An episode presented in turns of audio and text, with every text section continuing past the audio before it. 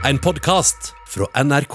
Det var en gang en lærer som begynte å bruke muntlig historiefortelling for å gjøre elevene bedre i norsk.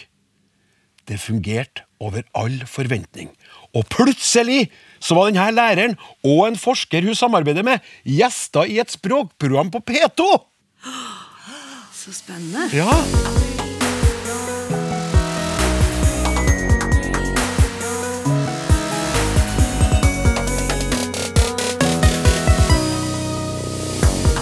Kanskje høres det ut som et eventyr, men muntlige fortellinger kan faktisk bidra til å bedre språkforståelsen hos barn.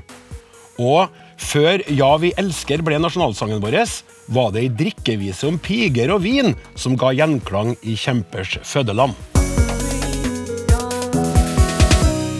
Du hører altså på Språksnakk, hvor vi også har satt av et lite tidsvindu til å forsøke å lande bruken av et par begreper som lytterne reagerer på. Og lunsjtegner og skaper Børge Lund er ukas gjest i Ut med språket.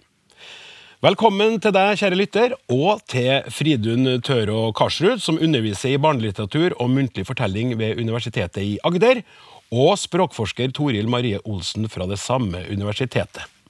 Hei, hei. Hei! Hei. Uansett hvor vi kommer fra, eller hvilken bakgrunn vi har, alle elsker en god historie. Men visste du, kjære lytter, at en muntlig fortelling kan gjøre underverker for barns språkkompetanse? Fridun eh, og Karsrud, som lærer så utvikla du en pedagogisk metode med muntlig historiefortelling, både for barnehagebarn og elever i grunnskolen. Og nå har jeg lyst til at du skal fortelle oss hva foregår i klasserommet når du underviser med denne metoden. Det som foregår da, det er at jeg forteller et eventyr eller en annen historie frigjort fra skriftlig tekst. Og da er det øyekontakt, kropp, stemme eh, som er på en måte redskapene. Og så er det elevene som lytter, og det skapes et nærvær som er veldig intenst. Det, kan bli helt magisk stemning, og det gjør at de aller mest urolige elever de blir slukt inn i et sånt fortellingsunivers. Nesten uten unntak. Hva slags historier er det du bruker? da? Jeg forteller mest eh, kulturenes fortellinger. Jeg er folkeeventyr, bibelfortellinger, sagn, myter. Det er jo et vel å ta av. Og det er disse fortellingene som går rett hjem hos elever, uansett alder. Det er min erfaring. Fordi det handler om det eksistensielle i menneskelivet, som alle mennesker dypest sett er opptatt av. Ja, Så det, du er opptatt av gjenkjennelsen, da? Ja, Ja. veldig. Eh, Og Toril, du kan kanskje si noe om det, for vi har jo nå fortalt eh, i, et, i en klasse med ni ulike morsmål, et sånt fortellerprosjekt, Ja. og der opplevde du jo akkurat det. Ja. Det var helt slående å se hvordan disse elevene falt til ro, og, eh, og hvordan, og hva slags glede de da hadde av disse fortellingene. Og, og det er ikke helt eh, altså det, det er nok ganske naturlig også, tror jeg, fordi fortellinger har vi på tvers av alle kulturer. Alle kulturer forteller, og har tradisjonsfortellinger. Eh, og det gjør, og de er bygd opp litt på samme måte, med litt sånn samme struktur. Man kjenner lett igjen strukturen i et eventyr, og det gjør at det er noe kjent. For, eh, for alle, uansett hvor man kommer ifra, og det kan da skape litt forventninger om hva som kommer, og det blir lettere da å følge med. Så jeg liker egentlig å snakke om fortellingens kraft, jeg. Ja. For, fordi på den ene siden så har du den strukturen som er til hjelp, og som, vi har, som er felles. Og så har du da det som er spesielt, eh, med da fortellinger fra forskjellige kulturer som da har da, kulturelle elementer med. Altså, Da du kom inn som observatør, Tore, så hadde du jo vært eh, knytta til et eh, prosjekt eh, annet prosjekt på den skolen. Og så gikk du inn i Fridun sin time og, og, sto der, eller var der og fulgte med. Hva, hva var din opplevelse av opplegget til å begynne med? Husker du det?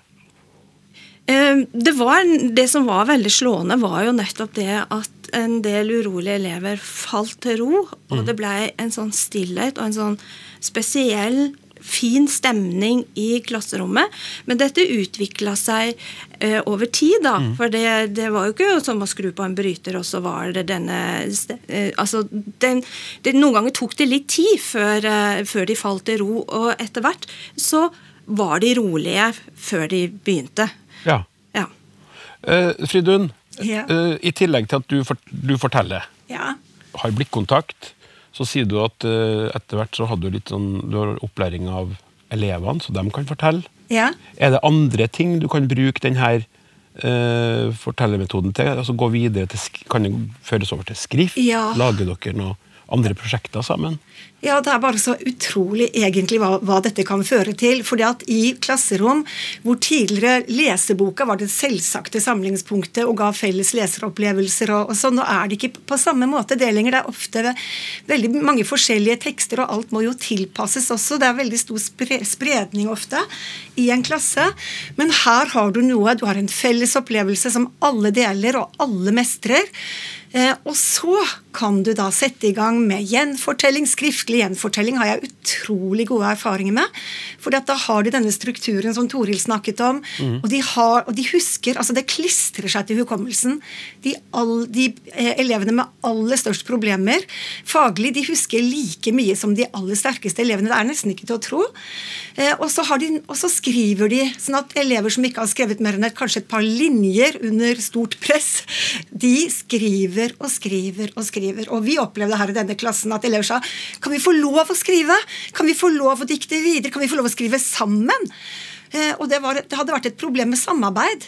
Eh, men, men nå, vi, nå, satte de i gang. Så det, det, det avstedkommer altså en sånn entusiasme på arbeidsoppgaver i, i forlengelsen av det.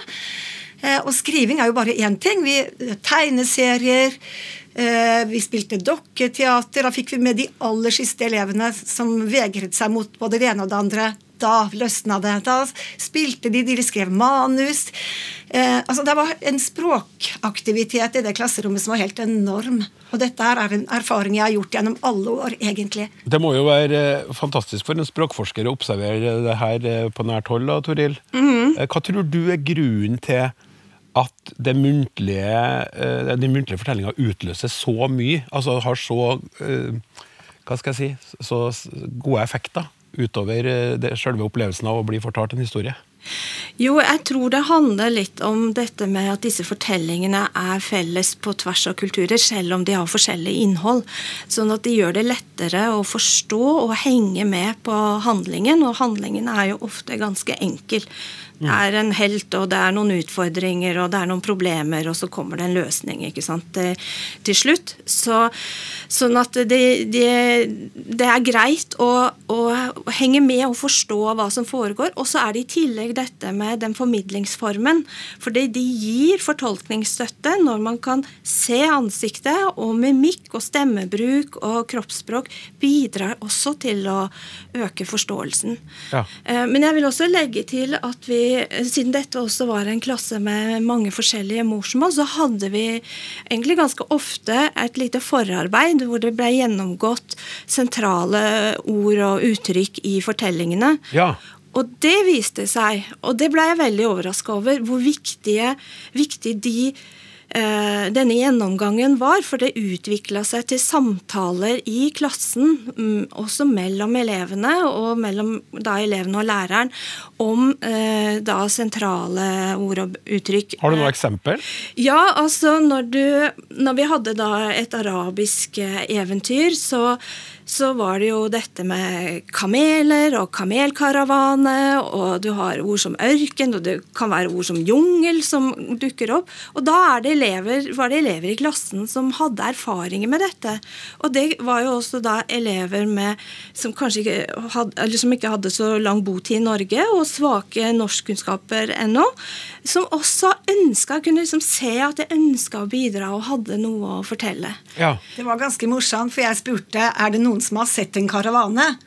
Selvfølgelig! Det var de to, to av elevene det var liksom et veldig dumt spørsmål. Eh, og så var det jo også sånn at de barna som, eh, med norsk bakgrunn og, og norsk som morsmål, de kom jo, hadde jo også sine erfaringer fra, fra norsk kontekst. da. Eh, sånn, eh, sånn at det, det, det satte alle likt. Alle kunne bidra med ulike innspill når det gjaldt eh, disse ordene. Og da var det eh, laget en slags bildepresentasjon, da. Sånn at det var bilder de så, og ordet eller begrepet eller uttrykket. Fjellets fot, eksempel, hva er det for noe?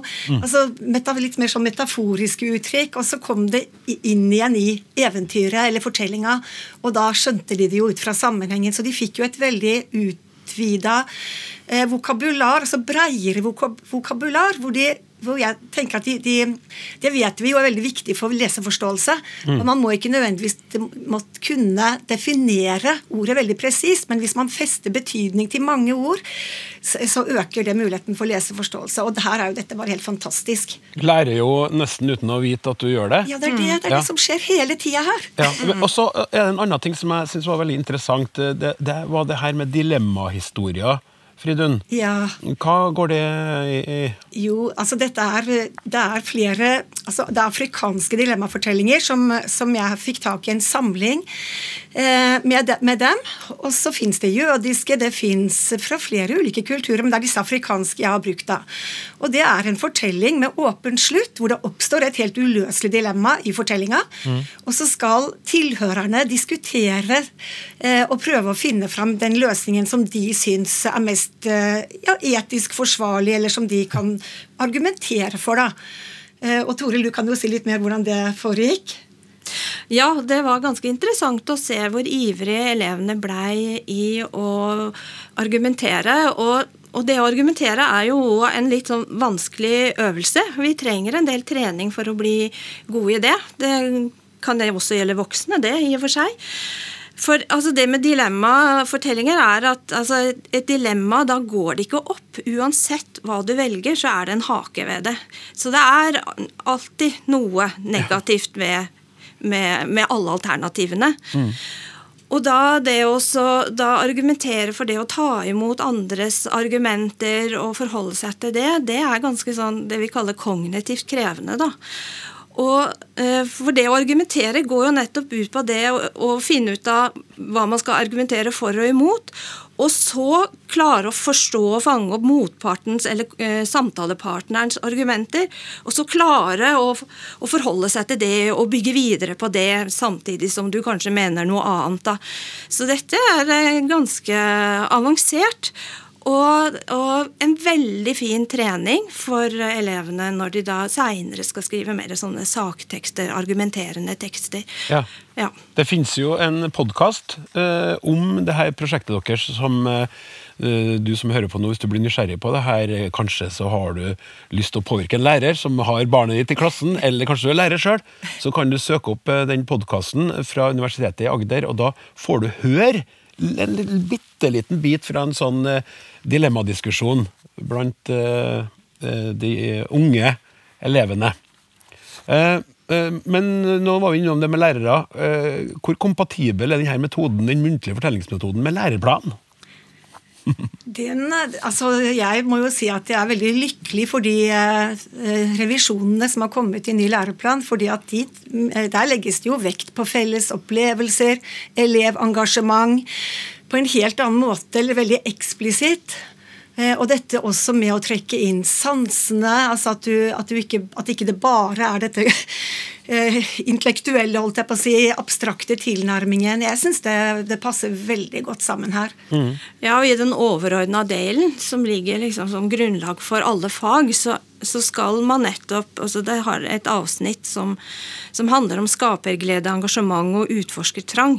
Sånn at eh, det, dette passer jo veldig godt inn. Det er jo nettopp det vi så at disse fortellingene gjorde. Og så er det også kommet inn det at eh, skriveopplæringa skal gi mening, og man skal kunne følge opp andres innspill og oppklare og utdype osv. Så videre. sånn at vi gjør veldig mange av disse tingene. og noe av utfordringa som har vært eh, tenker jeg, eller som også de lærerne vi jobba med så, var at når man eh, skal skrive tekster og ulike typer tekster, så, så hadde de en ramme, men de hadde ikke noe å fylle inn. Men her vi opplevde at de hadde jo så mye på hjertet. De hadde jo så mye ja. å fylle inn. Så, sånn at det, det, er jo det som gir den beste språklæringa. At det kommer et ønske og et behov for å uttrykke seg litt sånn innenfra. Mm. Ja. ja. og Det var helt utrolig å se på hun læreren som hadde den vanligvis. Hun sa at hun så at noen de, de, altså de strekte seg til det ytterste for, for, å delta, og prøvde. så Noen ganger så måtte hun gå ned til dem, og så fortalte de til henne hvis ikke de var trygge nok eller mm. hadde nok språk. Så de satt og dirra nærmest. Men det dette handler om, det handler om følelser. Det handler så mye om det, og det tenker jeg er så undervurdert hvilken betydning det har for læring. Ja. Hvor de blir følelsesmessig berørt. De blir så engasjert at de må og vil delta. Eh, Og det var så utrolig for de der elevene som er vanskeligst å få på banen, de òg var helt eh, de var, Ja, det er den følelsesmessige De var berørt. Jeg tror jo, jeg tror jo Friden, at det er veldig viktig at også dem som underviser i det og snakker om det, er følelsesmessig berørt, sånn som du er nå. For du har jo gitt ut flere bøker om denne muntlige fortellingas pedagogiske kraft. Og Har du noe håp eller tro på at det her skal bli noe så å si alle norske lærere tar i bruk? Ja, du vet hva, Jeg fikk en liten sånn logg fra en student som hadde hatt fortellerkurs på universitetet, og som var ute og fortalte i klassen, og så skrev hun tilbake 'Dette er framtida'. Ja, så nydelig. Vet Og du da hva? ble jeg veldig oppmuntret. Det- det skjønner jeg For veldig dette er nå, for vi har jo fått dette veldig inn i utdanninga på Universitetet i Agder. Vi har det jo i barnehageutdanninga, i lærerutdanninga. Det er arbeidskrav. De må ut og fortelle Ja. i lærerutdanninga. De må komme tilbake og skrive refleksjoner om hva de har opplevd. Og det er jo det som er så gøy. Og da er så mange som sier at jeg hadde aldri trodd det, jeg var så redd jeg holdt på å dø. Men plutselig var det drypp stille i klassen, og alle var med. og Ingenting av det jeg har gjort, har fungert sånn som dette. er nydelig. Snipp, snapp, snute. Så var tiden var ute. Tusen takk skal du ha, Fridun Tørå Karsrud. Lykke til videre med dette utrolig spennende arbeidet. Språkforsker Toril, vi snakkes på slutten av sendinga når vi skal lande et lytterspørsmål.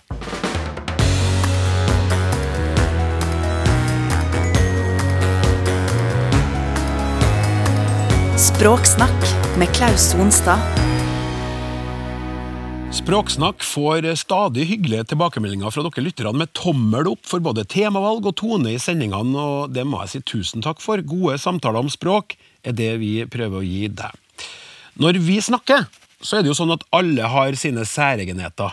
Vi bruker innimellom et uttrykk en smule upresist, eller flere ganger etter hverandre på kort tid, på en måte, rett og slett, ikke sant? Og, hold deg fast, det gjør også språkvitere. De snakker ikke som de skriver, riktig og regelrett. Bær over med dem. De er mennesker, dem òg. Da gjør vi et lett hopp over til kvantesprang. Bjørn Eidsvik har i en e-post til snakk.krøllalfa.nrk.no reagert på at kvantesprang i forrige lytterspørsmål spesial ble brukt om noe veldig lite. Det er flere våkne lyttere som har merka seg det her. Altså at øh, språkforskeren vår sa at et kvantesprang var et bitte, bitte lite sprang. Og det var nok fra hennes side ment som et bilde på noe fysisk veldig lite, men som Bjørn riktig poengterer, spranget er svært kort, men det er også et bilde på noe banebrytende, fordi kvantesprang er når et elektron skifter til en annen bane under utsendelse eller opptak av en kvant. Og jeg kjenner at det ryker litt ut av ørene mine nå, jeg har absolutt ingen som helst peiling på det her, så da lar jeg like godt fysiker og Abels tårnmedlem Anders Kvellestad rydde opp for oss. Ordet kvantesprang kommer opprinnelig fra atomfysikken, eller den såkalte kvantefysikken. Et av de sentrale resultatene i kvantefysikk er at atomer kun kan eksistere i helt bestemte energitilstander, eller energinivåer. Så i fysikk så er et kvantesprang det at et atom hopper fra et sånt energinivå til et annet ved å ta til seg eller gi fra seg en bestemt mengde energi. Siden vi snakker om noe så smått som atomer, eh, og faktisk de minste endringer atomer kan gjennomgå, burde vi ikke da i dagligtale bruke ordet kvantesprang om veldig små endringer? Nei, ikke nødvendigvis.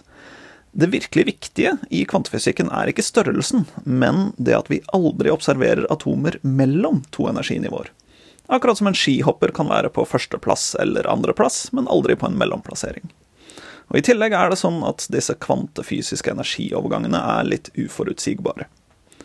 Så vi snakker altså om en brå, eller en plutselig overgang, i motsetning til mer gradvis og forutsigbare overganger.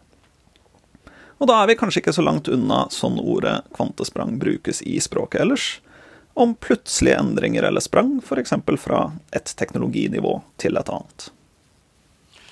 Takk skal du ha, Anders, og takk også til Abelstårn for lånet av ekspert. Nå skal vi ta et kvantesprang over til noe jeg er mye mer trygg på.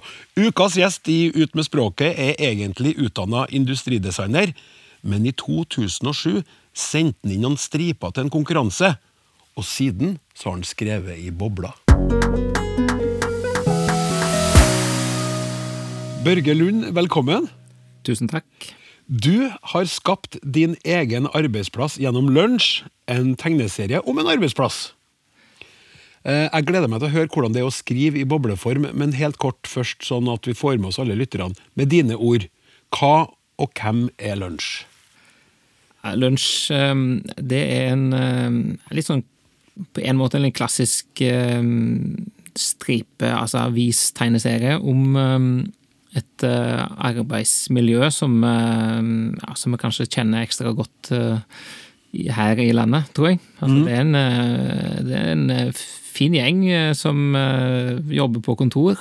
Um, uten at vi egentlig vet hva de jobber med, så holder de det gående. De går i møter, og de sitter, eller sitter på plassene sine, de jobber i landskap, de er på konferanser, og ja, de gjør det med det som, ja, som jeg tror veldig mange av oss uh, kjenner oss igjen i.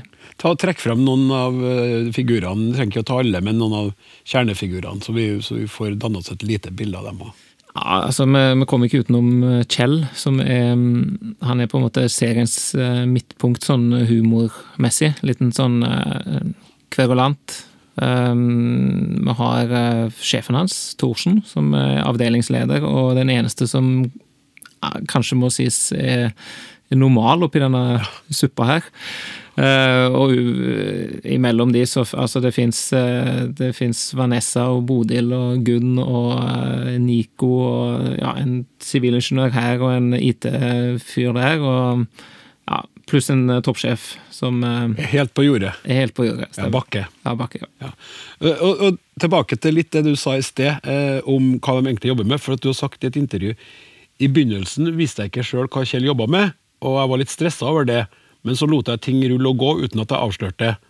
Nå vet jeg fortsatt ikke hva han jobber med, men ingen har spurt. Ja, nei, det, det stemmer. Det var jo en eh, Det var jo noe jeg eh, Jeg var jeg, jeg trodde jo jeg måtte avsløre det. Jeg, jeg trodde absolutt det. Men eh, det var Det, det var jo Det har jo blitt en del av selve poenget med, med lunsj. Ja. Nett, nettopp det å, å, å jobbe veldig generisk, kan du si. da. Altså at det, det kunne vært hvor som helst. Det, Ja, er, det, er det ikke ganske smart, det, da? jo, det viste seg jo, så litt flaks hadde jeg vel kanskje egentlig, da. At jeg var såpass ubesluttsom og, og venta, venta så lenge. Ja. jeg bare Før vi går inn litt mer på det språklige, så må jeg bare Jeg fikk eh, snakka med en god venn av meg i går, vi gikk tur, og han påsto at Nico, som i serien din en sånn svartkledd designer med stramme briller og sans for alt av dippedutter som kommer fra Apple, at han er basert på en god venn av deg? Ja, det er han faktisk. Han, er, han var jo sjefen min i min siste, min siste jobb. Um, Ja. Men uh, han er på samme alder, og han er fortsatt en av de som leser korrektur på stripene mine. Så han, uh, han var med når serien ble født, og han henger fortsatt med, da. Ja, vi skal komme tilbake til han litt senere. Men en ting som er spesielt for tegneserien som medium, det er jo forholdet mellom snakkeboble og bilde, eller tekst og tegning. Og du, du mener at snakkebobla også er et visuelt grep? Ja, det, det vil jeg si. Altså, det er en, en, en tegneserie må jo selvfølgelig Det må jo det må tegnes, eh, det sier seg sjøl, men eh, men så er det på en måte Du har disse to elementene som Der teksten må fungere. Det, det, må, det må være en dialog som gir mening, det må være flyt i det, og timing og alt som er. Og, og, men den fungerer best når, um, når, han, når boblene også fungerer. Altså når, når- du til og med boblene ser fine ut, og du har lyst til å, du har lyst til å gyve løs på dem, og, og at, at det som totalbildet gir mening, da. Så Ja. den, ja. ja. Mhm. Ja, og, og du jobber jo mye med, med teksten i altså, selve snakkebobla, rett og slett. Eh, Du, du har sammenligna altså, Da vi prata sammen eh, i forberedelsen til her, så, så kom vi inn på det med popmusikk. Det å jobbe, altså skjerne eh, Ja, du kan jo si det litt sjøl, hvordan du driver og Ja, altså jeg tenker mm, Jeg har alltid likt det som var lett, lett tilgjengelig, men allikevel hadde en slags dybde, da. Og det, og det altså God popmusikk vil jo ha det. Altså du, det er catchy, og du, du, du har på en måte lyst til å bli med eh, videre i sangen. Og, og det er en eh, det er noe jeg alltid har tenkt på um, Eller det er faktisk Nå lyver jeg bitte litt. Jeg tenkte ikke på det i begynnelsen. Uh, og det, Dette er jo et, uh, et, håndverk som har tatt tid å, å lære seg, men um, i begynnelsen så gikk jeg meg litt vill i nettopp det å bare fylle på med, med uh, mye tekst, mye, mye, detaljer, mye tegning, og, og på en måte overbefolka nærmest rutene mine, og, og trodde at det skulle det skulle gjøre historien min eller stripa mer interessant. Mm. Men så, så, Det som skjedde, var vel egentlig at jeg, jeg, Rett før en deadline Jeg tror det var første gangen dette det gikk opp for meg. Det var, det var en gang jeg, jeg var i ferd med å miste deadline, så jeg hadde i praksis hadde jeg ikke tid til å, til å tegne ferdig tegningen engang. Jeg måtte droppe bakgrunnen, og jeg snudde litt på teksten og sleit skikkelig. Og så, og så endte jeg opp med en veldig god stripe likevel. Og, ja. og, det, og det, det, var på en måte et lite vendepunkt, for da, derfra og ut så har jeg nesten egentlig bare dyrka det å, å, gjøre ting enkelt og, og ja, gi folk lyst til å lese. Ja, og dermed må du også skjære ned på tekst, jobbe den ned, få den så konsis som mulig.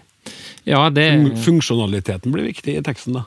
Ja, det blir det. Altså, det blir ehm, det, eh, Målet er jo at du, all, du, som leser aldri skal måtte lese en setning to ganger, for eksempel. Altså at du, du skal um, Du skal på en måte Du skal følge rytmen i stripa. For det, altså, ei stripe er ja, den er på én, to eller tre små ruter, og det er fire, fem, seks uh, snakkebobler, og vi snakker kanskje bare 20 sekunder med, med, med tid som settes av. Sant? Så det er sånn bitte liten, eh, bitte liten shot som skal Som du på en måte Ja, du, du har oppmerksomheten i begrensa tid, og, og, da og da hjelper du egentlig leseren, da. Du hjelper både deg sjøl og leseren med å være så tydelig som mulig. Og det, det, er jo ikke noe motsetning å være tydelig og morsom. Så, nei, nei. nei. Og, og det, du, du nevnte shot nå, for kan du si litt om den største forskjellen på å lage en tegneseriestripe, altså det å jobbe med tegneseriestriper og lage lengre helstøpte historier, altså sånne tegneseriehistorier som legendariske Asterix eller Donald, for den saks skyld. Ja, ja altså det er, jo, det er, jo, noe jeg veldig sjelden gjør, da, egentlig. Altså jeg har, selv om jeg, jeg, leste jo veldig mye av den type ting før, og, og koste meg med det, men, men så, så, oppdager jeg også at når, um, når du da jobber med, med striper, og de, de, skal være såpass korte, så, så, får de sitt eget sånn De får sitt eget uh, sitt eget liv. Um, og, og, det, og, det, livet, på en måte, den, livet til den stripa, er veldig kort. Um, og, og, det, i motsetning til på en måte, det å det å skulle fortelle en lang historie, så må du på en måte du vil, Da vil du dra leseren inn i historien. Du, vil, du har en slags eh, historiekurve. Du vil på en måte du vil bygge opp noe, du vil eh, pøse på med følelser. Og, sant? Også, mm. også, og da har du også egentlig sagt at eh, hvis du blir med på denne reisa her og investerer en time eller to, så får du noe tilbake eh, som er verdt det. Og, og, og det, sånn er det ikke med, med striper. Der er det på en måte Hvis du investerer 20 sekunder, et halvt minutt i dette hver morgen, så skal jeg love deg en bitte liten latter, og så, og så, men så fortsetter livet ditt. Sant? Og, ja, ja. og for så vidt mitt også. ja. men, men, det som er interessant også med det der, er at eh, når man kjøper da de her samlealbumene, som, som dere jo gir ut eh, også stripetegnere, så har jeg jo opplevd det der. Fordi at jeg klarer veldig sjelden å sette meg ned og lese en hel eh, lunsj der og da, eller Pondus f.eks. For eksempel. fordi at det er så fortetta på et vis at jeg blir metta. Ja.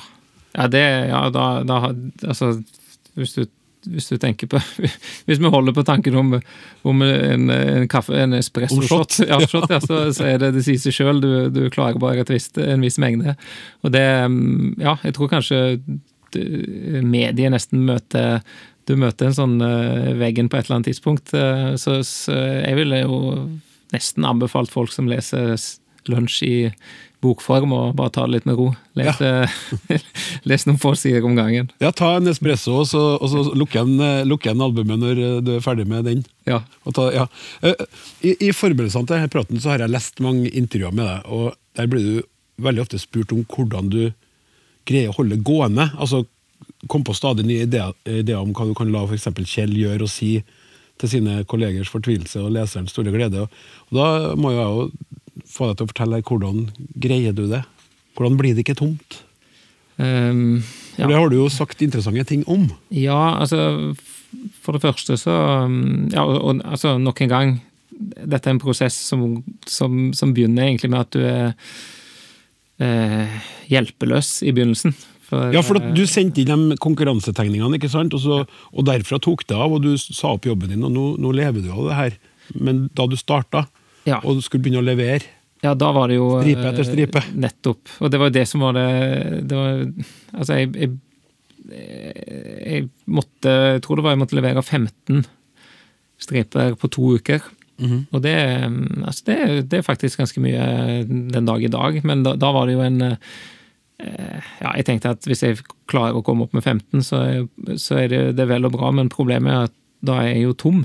Eh, så, så, så da vil det jo ikke være noe å ta av etterpå. Um, og, men så, så balla det på seg. Jeg fikk jo en sjanse til å bli publisert, og, og, og måtte komme opp med 50 nye. Og, og for hver gang så tenkte jeg at nå, nå, er, det, nå er det snart tomt. Nå er jeg på bånn av bøtta, og det kommer folk til å forstå, og, um, og da er det slutt. Um, men så så ja, jeg husker når jeg nærma meg 100, så tenkte jeg at det, det får være den absolutte Det husker jeg sa til kona også, at jeg, gi, meg, gi meg lov til å drive på med dette til 100, for da er det uansett eh, Ha det, alle sammen! Det var hyggelig. Takk for meg.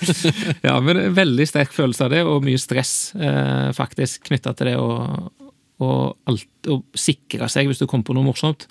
Det måtte bare ned. Eh, det, var, det var som å finne en Altså, jeg holdt, holdt fast på det alt jeg kunne tviholdt på hver minste morsomhet. Um, men så så, um, så oppdager jeg faktisk at um, det åpna seg opp. Og det er jo um, på en sånn måte at karakterene begynte å, å feste seg. Altså jeg hadde på en måte investert nok i de til Ja. at de begynte å leve sitt, sitt eget liv. Ja, ja og, da, og sånn som du har sagt, at da, da kan du sette Kjell opp i en situasjon du ikke helt vet hvordan skal ende. Ja, og det, det høres litt merkelig ut, eh, altså sånn sånn passiv måte å gjøre det på, men det, det er fantastisk, fordi da kan du da kan du jakte på temaer og, og situasjoner og ja, forskjellige stikkord som du bare bruker, og så bare så bare, ja, så, så dropper du Kjell inn i det, eller du utsetter han for, en, for noe. sant? Og så er det litt nesten opp til han, da. Så jeg er jo Da vil jeg jo nesten være like, like spent som, eh, som leseren, eller som Kjell sjøl. Liksom, hva, hva skjer? Jeg syns det høres ut som en eh, fantastisk situasjon å være i. Ja, det er det. Da må du ha, akkurat i sånne situasjoner må du tenke at du har en herlig jobb. Ja. ja.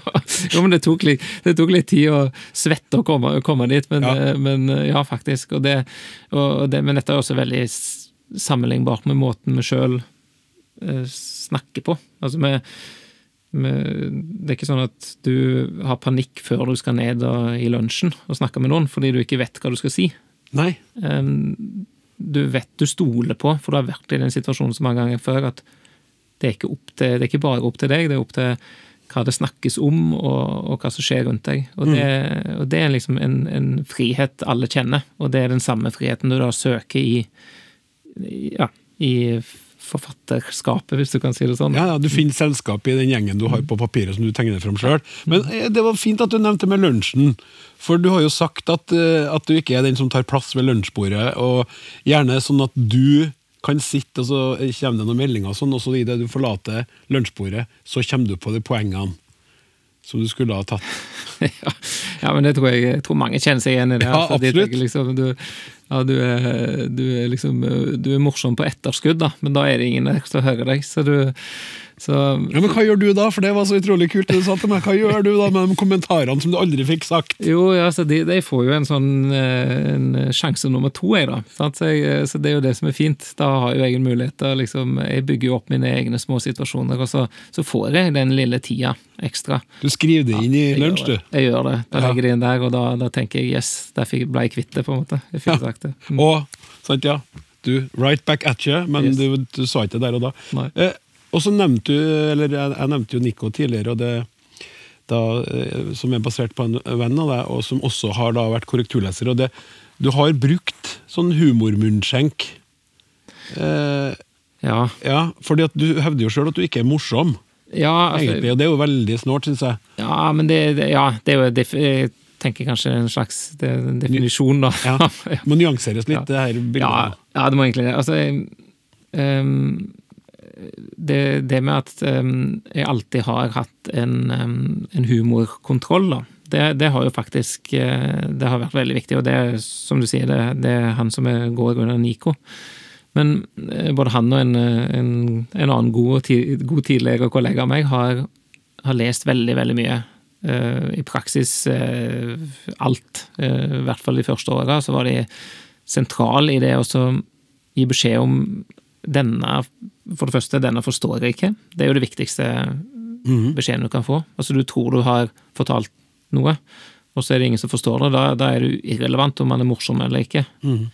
Um, så det var liksom det første, det viktigste å luke ut. Så, men så var det etter hvert også de brutale beskjedene når jeg trodde jeg var morsom, og fikk beskjed om at eh, denne, det var du ikke, dette var ikke morsomt, Uh, men denne her er morsom. Og, og, og når du da på en måte skjønner at jo mindre du prøver å være morsom, jo morsommere er du. Eh, Ja. Så, så det var litt der det lå, da. At eh, hvis jeg prøvde eksempel i en boble å være litt sånn eh, ja, Denne setningen, den er morsom i seg sjøl, liksom. Mm. Det, det falt veldig sjelden i gode jord, da. Så det Ja, for Det der synes jeg er veldig interessant med, med deg. At, du, at det må jo ha endra snakkeboblene dine veldig fra starten. At du ikke er så fokusert på vitser i dem. At de har fått en annen funksjon underveis. Altså teksten sammen med tegningene. Ja, det, det har det. Det, det. det har jeg faktisk sett sjøl også, da. Så når jeg blar i veldig tidlige, tidlige striper, så, så kan jeg se det. At, eh, at jeg må til og med sjøl lese setningen to ganger. Og, og, og det er fordi jeg har prøvd å være morsom. Altså prøvd å få til en liten vri. Men det, du ønsker ikke det. Eh, Som leser så ønsker du egentlig bare å, du ønsker å bli geleidet mot til slutten.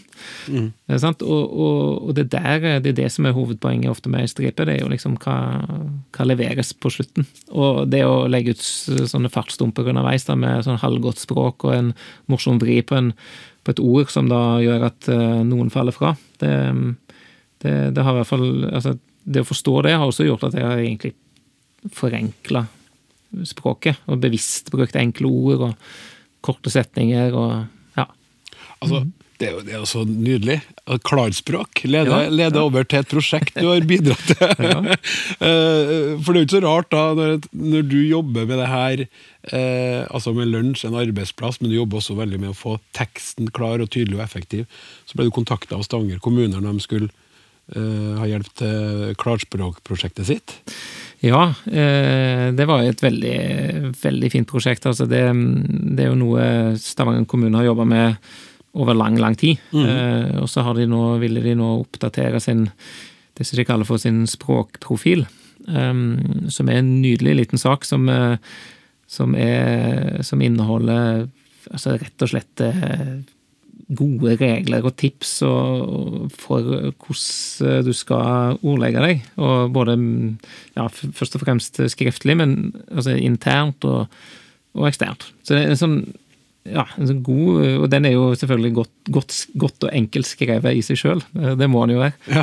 Men, eh, men der, eh, der fant vi på en måte sammen, da. Så der, der går jo Der skal jo jeg eh, Jeg skal jo ikke inn og lære noen å tegne eller noe sånt. Jeg skal jo egentlig bare inn og være et komisk element, men et relevant, veldig relevant sådan. da. Ja, ja for det, det som er veldig artig med lunsj, eh, av mange ting, er jo det, også det her sånn konsulentspråk og alt visvas som det tyter, tyter ut av folk på møter, og den fortvilelsen du ser som oppstår hos dem som sitter og hører på. Sånn, og, og, og klart og effektivt språk er jo viktig, men, men om alle sammen begynner å økonomisere med ord, da, snakk klart og tydelig, så ville du etter hvert ha gravd din egen tegneseriegrav, egentlig. ja, ja, ja det, det er sant, men det, jeg har jo ikke noe det, det er jo ikke egentlig ikke noe fare, det. Nei, nei, nei, det er ingen fare. Det, det tror jeg ikke. Så det Nei, det er altså en eh, Det er jo en Den jobben vil nok pågå så lenge vi har et, eh, et, eh, et arbeidsliv, om, det, om det er offentlig eller privat. Altså, vi, vi, vi jobber sammen um, på måter som gjør at, i hvert fall nå til dags, da, som, der det forfattes veldig mye. Mm. Uh, så det skrives jo kanskje mer og mer uh, ja, vil jeg tro, da, uten at jeg har tall som backer det opp, så, det, så, vil jeg tro at det, det, det skrives enormt med med ord. og, og, og, du vil jo egentlig ha mest mulig mening, og ikke flest mulig ord. Men, og, og, det ser du jo da ofte at um, Det er jo noe jeg tuller veldig mye med, og har fått veldig god uh, respons på. Det er jo nettopp dette her med å uh, Ja, den tåkelegginga, da, som, som, du Ikke nødvendigvis bevisst, da, men det, altså det det, det, språket som har på en måte infisert eh, i powerpointer og strategiplaner, og ja, som, som, lever litt sitt eget liv og har fått sin egen, som er en egen sjanger. Ja, men du, du, har jo nesten litt sansen for det, du. Ja, ja, ja. At du mener at ja, men på et vis at det er, det er så menneskelig også. Eh, du har jo den eh, fantastiske fluefiskeanalogien din. Den må du, den må du by på. Ja, men det er altså en Det var jo en Jeg har jo Jeg elsker jo å fiske. Jeg er veldig glad i det. og fisker jo litt sånn Fisker med, helst med flue, da. Mm. Det er jo også i seg sjøl litt meningsløst. Og, og i, av alle meningsløse fisketing, så er kanskje det å stå og, og prøve å få laks er noe av det, noe av det, det dummeste du kan, du kan eller i hvert fall det som gir min, minst mulig eh, resultat på den tida du bruker. Eh, ja. Men, men eh, det, det, gir deg jo tid til å tenke også, så jeg, jeg har jo stått der med elvebredden og så har jeg tenkt på, tenkt på en sak, og det er jo egentlig det at eh, Kanskje den som bryr seg minst om hva du fisker med, det er laksen. Mm. Uh, på tross av det så har du altså en flueboks som inneholder 500 forskjellige fluer med fantastiske farger og navn, og eh, som du da bytter. Du bytter på når eh, du ikke har fått noe, og det er veldig ofte. Mm. Så tenker du at nå skyr det over, da er det best å sette på en eh, litt, med litt mer oransje. Og sånn fortsetter du, sant. Eller en litt lengre, eller to millimeter kortere, osv. Og, og det tenker jeg at der har du egentlig kjernen i veldig mye av eh, av eh, Skal vi kalle det konsulentspråket, da. Eh, og det er jo nettopp dette at eh, du gir Du trenger fluene, nye, flu, nye fluer. Det må du ha for at det skal gi mening, at du skal føle fornya motivasjon. Ja, nettopp. Ja, så du bytter flua egentlig for deg som sjøl som fisker, og ikke ikke for laksen. Ikke for laksen. Og det, og det, som et firma som bytter verdier. Ja. Eller nye ord, ikke sant? Og, og har et nytt seminar med nye tanker. Ja, og det, det fornyer det, altså, du ser jo, det er jo ingen tvil om at det, det skaper glød hos de som, eh, de som har kommet opp med nye ord. Da. Det er jo ingen tvil om. Eh, sånn at, eh, men det skjer altså da en, noe i Noe som jeg tror på et eller annet rart plan er litt viktig. Altså at vi, det gir mening å være med på å definere eh, nye ord, nye begreper, eh, nye prosesser. Sant? Sånn at vi, mhm. for det, det, er den virkeligheten vi jobber. Og det å, å stadig klare å fornye uh, disse tingene, det, det tror jeg er avgjørende for at vi holder ut, egentlig. Ja. ja. Så, det, så, så, så, ja, det er ikke bare Vi vil, vi ønsker liksom ikke at bullshit skal komme i veien, men vi kan ikke, det, det er en utopi å tro at du bare kan det, fjerne det helt, da. Ja. Mm, så leve med det. Leve med det. Ja. Vi kan jobbe, jobbe, jobbe, mot det og leve med det. Ja. ja. Godt sagt. Takk sjøl. Uh, vi nærmer oss uh, slutten på denne samtalestripa. Uh, jeg har egentlig bare ett spørsmål igjen. Jeg skulle gjerne ha satt av uendelig mye mer tid til å snakke om tegneserier og jobben din, men Børge Lund, ut med språket. Hva er ditt favorittord? Eh, det er ingen tvil at uh, i år så er det mm, Du er muta. muta? Altså muta? Muta. Ja. Det så kan jo diskusjonen gå om det er et ord eller ikke, om det er norsk eller engelsk eller hva det er, men eh, det har blitt sagt så mye at jeg tror det på kort tid bare må ha gått rett inn i, jeg, jeg, har sett at du har skrevet det med m-j, altså J-U-T-A. Ja. Det- Ja, Så du velger den varianten, ikke sant? Jeg gjør det. jeg gjør det. Ja, du gjør det? Ja. Ja, Så bra. Muta er favorittordet. Tusen hjertelig takk skal du ha, Børge Lund. Eh, Lykke til videre med lunsj og et liv som tegneserie... eller seriestrippetegner. Tusen takk. Språksnakk.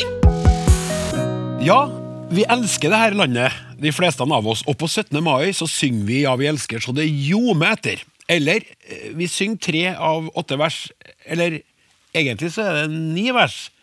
Eh, og før i tida så sang vi Sønner av Norge, og før det igjen Norges skål. Ei vi om piger og vin, mens vi var under annet lands åk. Litteraturviter Gunnar Foss, velkommen. Takk for det. Du kan en del om eh, Norges eh, de forskjellige nasjonalsanger. Jeg tenkte vi kunne begynne med den, den gamlesten av dem jeg har lyst til å snakke om i dag, rett før nasjonaldagen vår. Norges skål. En nasjonalsang som heter Norges skål. Ja, det, det var en eh, festlig opptakt, på en måte. Og det, det skåles jo flittig i samtlige strofer, eller samtlige vers av den sangen der. For det meste. Og ikke minst for norske piker, og for piker, vin og sang og, og slikt noe, men også for norsk eh, heltemot og norsk eh, motstandsevne. Og, og, og, og drømmen om frihet.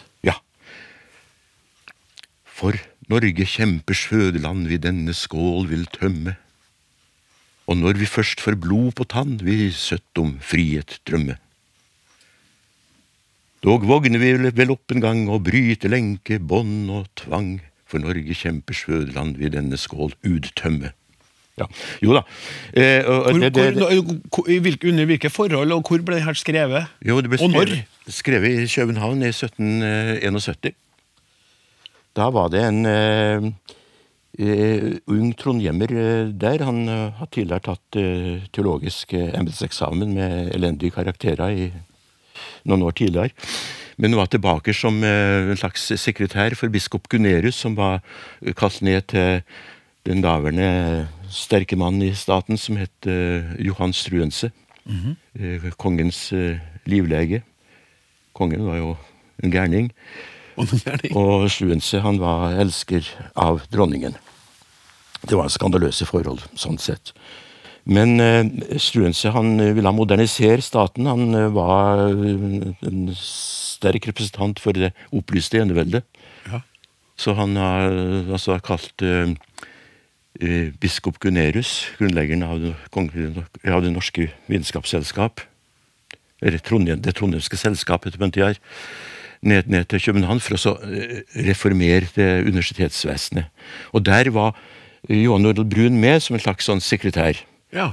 som straks eh, viste seg aldeles umulig i den rolla der, for han snakka ikke tysk bra nok med Struense, som da var en tysktalende. Store deler av Danmark var jo også da en del altså tyske eh, kurfyrstedømmer. Så han eh, fant ut at han skulle bli, drive på med diktning i stedet. Han måtte gjøre forskjellige ting som da gjorde han bemerket, slik han kunne få seg et embete og bli skikkelig prest. Så i 1971, nei, 1771, unnskyld, da var det eh, et såkalt trykkefrihetsår, for han Struensen han mente også at det burde være trykkefrihet. Ja. Da skrev han den øh, sangen der, øh, som ble da en elsket sang i Det Norske Selskap i København. En, en samling av glade unge menn som eh, studerte ned der. Og så eh, forsøkte han å få den eh, trykt i 1972, eh, 1772, året etterpå. Men da var Struense falt og godt og grundig eh, ut av eh, soga. Og dem som overtok, dem var ikke glad i, i, i trykkefrihet. Nei. Så den, eh, det ble stoppa. Så den levde som en sånn undergrunnssang, da? Ja. Ja. Og så ble den trykt, påstås det, eh, iallfall det kildene kan berette, eh, ti år senere, altså i 1782, her i Trondheim. Ja. Og det vakta stor bestyrtelse til daværende rektor ved katedralskolen, som da mente at eh, Brun var en sånn skikkelig rebell som eh, ikke fortjente å få noe som helst på trykk. Så han forsøkte å kjøpe opp alle eksemplarene. Ja. Rektor katta. Slik at folk ikke fikk eh, nyss inn. Og sånt gjør jo virkelig ikke en sang mindre interessant. Nei, nei, nei. Nei, nei. nei da, det var håpløst. så, så den, eh, den fikk da eh, status som en eh, eh, norsk nasjonalsang, og ha den statusen i ja, nesten 50 år, fram til 1820. Ja, Og da kom det en annen sang inn i bildet. Ja, da, da var det altså um, eh, Bjerregaards uh, 'Sønner av Norge' som uh, seira i en konkurranse om uh, ny norsk nasjonalsang, som en konkurranse som var utlyst av Selskapet for Norges Vel. Og dem som da skulle innstille eh, Det kom med masse bidrag, naturligvis. Det var altså slik at det var etter 1814, og Norge på en måte etablert igjen på nytt som en stat med eget storting osv., så, videre, og så, videre, så svulmet jo alle nordmenns hjerter. Og, og det de gjør de i den sangen der også. Ja, og det, den, den, den har jeg jo i hodet. Den Norgesskål kjente jeg ikke til, men Nei. Sønner av Norge, det eldgamle riket Sjunger til harpens den festlige slag, mandig og så videre. Altså, Det er veldig mandig og svulmende Mm. hele tatt. ja. Men hva tror du er grunnen til at Sønner av Norge ikke sto seg opp mot den sangen som senere skulle bli eh, Nei, det, det, det, den, den, den svulmer jo hele altså strofe etter strofe. ikke sant? Det finnes jo grenser for svulmen. Så, så det er jo i en mer sånn eh, realistisk orientert tid, sånn omkring 1860, så har kanskje hele roa seg ned litt, og lufta har det gått en del ut av ballongen og, og sånt. sånt og eh, som man kan vel si om Ja, vi elsker, så er den eh, betydelig mer nøktern enn Søndre av Norge. Ja, men, men, men der, Ja, vi elsker, Ja. så er det jo hvis vi, hvis vi virkelig skjerper oss og tenker oss om, så vi, klarer vi å synge med på tre vers. Ja. Ikke sant? Ja. Men så er det jo så mange flere. Ja, eh, men det er jo de svulmende versene Ja, vi elsker. Ja, du, så det, det er skryteversene, sa du, Ja, at det er dem ja. som er tatt bort. Ja, riktig. For det vises til gamle konger, og det, Ja. det er ikke måte på Ja. hvor det skrytes i de versene, og dem, dem synger ikke vi. Nei, altså, vi, vi gjør ikke og det ville kanskje blitt uh, vel mye å huske på også. Du må på en måte ha snorre liksom i innafor pannebrasken, liksom, for å kunne få med deg liksom eh, enkelthetene der. Det blir da forferdelig for idrettsstjernene våre hvis de skal synge åtte vers. Ja, ja, ja. Altså, de klarer seg stort som ett da, når de skal Ja. eh, ha vunnet i en internasjonal konkurranse. Ja, men, men i tillegg til de tre, så er det da også sånn at det er et vers som er forsvunnet. Som Ja. er borte fra sangen. Ja, altså eh, Bjørnson eh, altså Sangen er først eh, publisert i, i Aftenbladet i 1859. Og Bjørnson var altså redaktør i samme blad. Da publiserte han Norsk fædrelandssang anonymt Ja. til Stortingets åpning. Da. Stortinget har jo samlinga bare hvert tredje år den gangen. Og der Der har Norge nettopp fått eh, en ny konge. Som ble krona i Trondheim året etterpå, altså i 1860. Og det var han eh, Karl den 4. i Norge, eller Karl den femtonde i, i, i Sverige. Og eh, Bjørnson var litt sånn begeistret. liksom det Ny konge, liksom ny giv og, og sånn, så du måtte jo si noe pent til den nye kongen. da. At han sto liksom som vår brodervakt ja. og sørga for at, eh, at, at alt var godt mellom Norge og Sverige. Og vi ropa lystig og glad til hverandre ifra eh, heien og over grensene og, og så videre og så. Ja. Så når altså, det, det var en sterk kontrast ikke sant, til det, det, det verset som slutta like før, da, som het eh, Husker bare hva som hendte ned på Fredrikshall. Der, der eh, Altså, eh, tid vi heller landet brente enn det kom for fall, husker bare hva som hendte ned på Fredrikshall. Fredrikshall er altså samme som Halden. Og der var det slik at borgerne satte eh, fyr på, bryn, på byen da den var omringa av svensker. Eh, Det var vel sånn i 1816, tror jeg, så kom Karl tilbake da, med ny hær i to år etterpå. Og der fikk han da en kule i, i, i pannen Akkurat. og død. Så Mens det altså tidligere sto festninga i veien for eh, svenskene som ville trenge inn i Norge, så står det nå bare aks i veien. Altså det, nå gror det. Korn. Altså kanonene er bytta ut med plogen. Og, og, og, og øh, vi, vi har på en måte bilagt all, alle sånne stridigheter oss imellom. Hvorfor er verset borte, tror du? Jo, for eh, For Karl han sto som, som eh, på en måte sånn eh, garant for vår som, som brodervakt. På det tidspunktet her så var det en slags sånn uoffisiell allianse mellom Norge, Sverige og, og Danmark om at hvis noen av landene skulle bli forulempa av en ytre fiende på et eller annet vis, så skulle vi stå last og brast. Og, og, og, så ble jo Danmark, altså de sørlige provinsene, da, Slesvig, Holstein og Sønderjylland, angrepet av en prøyssisk eh, her, prøyssiske herrestyrker i, i, i 1864.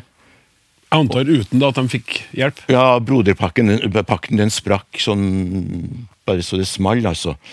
Slik at, uh, at det verset der uh, ble også litt uh, Altså, av den grunn altså det, det, så jo sånn ut allerede i 63, da Bjørns, Bjørnson kom med, med, med sin nye tekstrevisjon.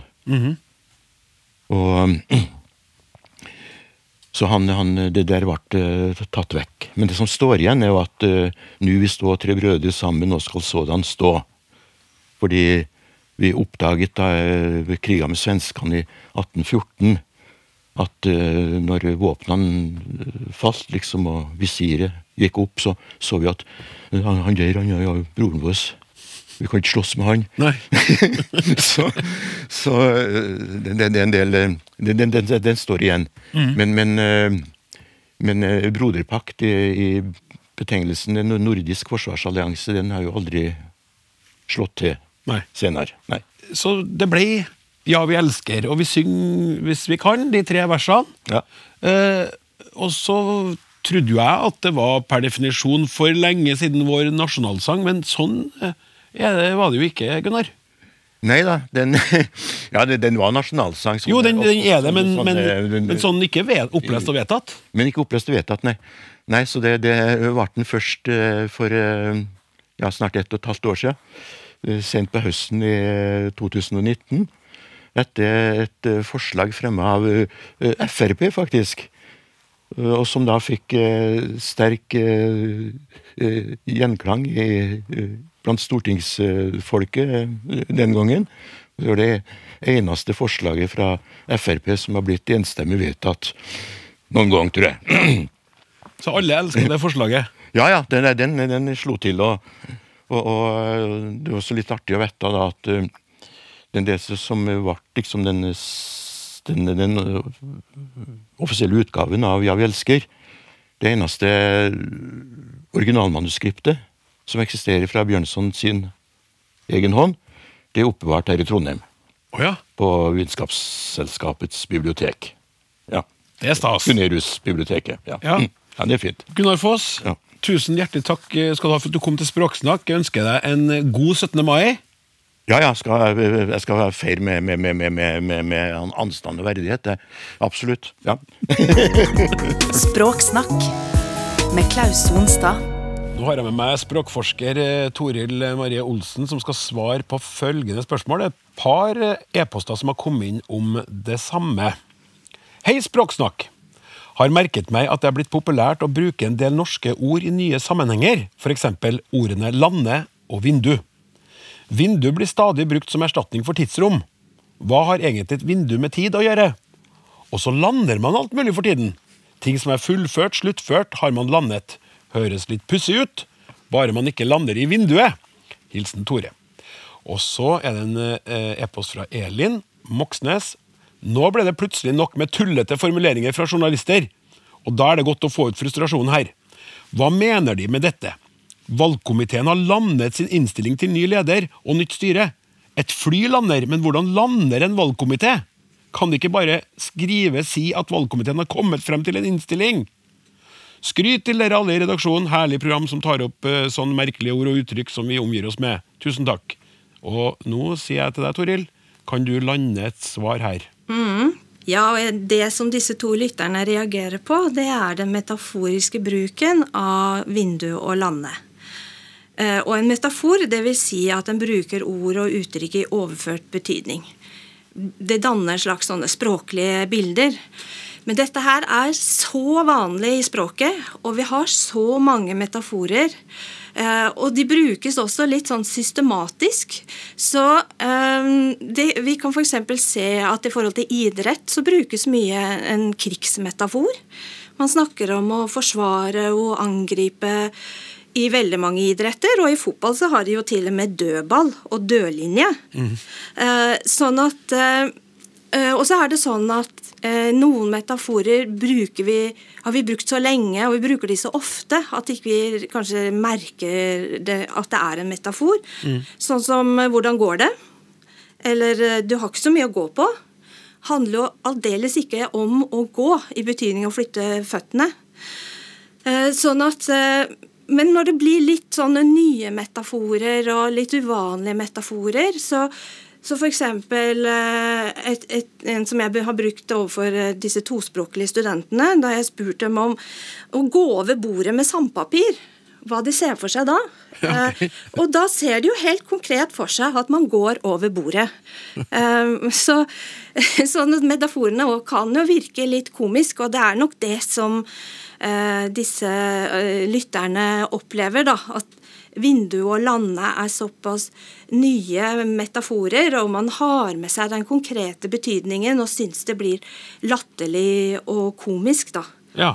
Så jeg tenker nok det at eh, Men vi får ikke gjort noe med det, fordi språket er jo hele tida i utvikling, og vi skaper nye ord og uttrykk. og men det er opp til enhver da, ja. om du vil bruke disse metaforene eller ikke. og Man kan like de eller mislike de, men, men det vil vise seg om de blir værende i språket, eh, eller om de forsvinner igjen. For det kan jo også skje at ord og uttrykk forsvinner. Ja, men det kan være eh, sannsynlig at om språksnakk, språksnakk fortsatt eksisterer om ti år, så vil det kanskje ikke være lande og vindu man driver og sender inn spørsmål om, for da har det blitt kanskje mer etablert som metaforer i det norske språket. Ja, enten, ja. enten det, eller at det forsvinner igjen. Tusen takk skal du ha, Toril. Sitter du nå og tenker 'hei, jeg fikk jo ikke svar på spørsmålet mitt i dag heller'? Ikke fortvil. Allerede neste uke er det klart for en ny lytterspørsmål spesial. Spørsmålene har strømma inn til snakk krøllalfa.nrk.no, og ekspertene har allerede bretta opp ermene og gått i gang med å formulere sine svar. Og så er det ikke bare norske lyttere som er opptatt av språk. På selveste 17. mai er Språksnakk med i det svenske radioprogrammet Språket. De ville bl.a. at språkforsker Ellen Andenes skulle svare på spørsmål fra de svenske lytterne, som denne frågan fra Markus. Hur kan det komma sig att två pass så nära språk som svenskan och norskan väldigt ofta har precis motsatt artikel? Det vill säga det som är utrum i svenska är neutrum i norskan. Till exempel en kamera på svenska medan det heter ett kamera på norska. En karta på svenska medan det heter ett kart på norska. När jag aktivt lyssnar och reagerar på fenomenet så känns det som att det alltid är tvärtom i norskan. Men jag inser att det kanske inte är fullt så ofta. Men det är ändå påfallande ofta som norskan har motsatt artikel N1 jämfört med svenskan. Har ni någon förklaring till hur det kan ha blivit så här, undrar Marcus. Jag bollar först till Ylva Byrman. Ja, för min tanke när jag hörde den här var att nu nu kanske vi måste göra en, en folkbildande insats här säga att det är ännu värre på norska för där finns ju i ganska många dialekter ett levande tregenussystem, eller hur? Visst är det så, Ellen? Ja, Svaret til Ellen får du i en bonuspodkast av Språksnakk som kommer på nettopp 17. mai! Hurra! Språksnakk er ganske snart slutt for i dag. Tekniker Martin Våge, produsent Hilde Håbjørg, redaksjonsmedlem Randi Lillealteren og programleder Klaus Sonstad haster hjem for å finne frem flagg, luft findressen og stryke bunadsskjorta. Takk til forskerne og dagens gjest, og ikke minst takk til deg som hører på. Vi snakkes. Du har hørt en podkast fra NRK. Hør flere podkaster og din favorittkanal i appen NRK Radio.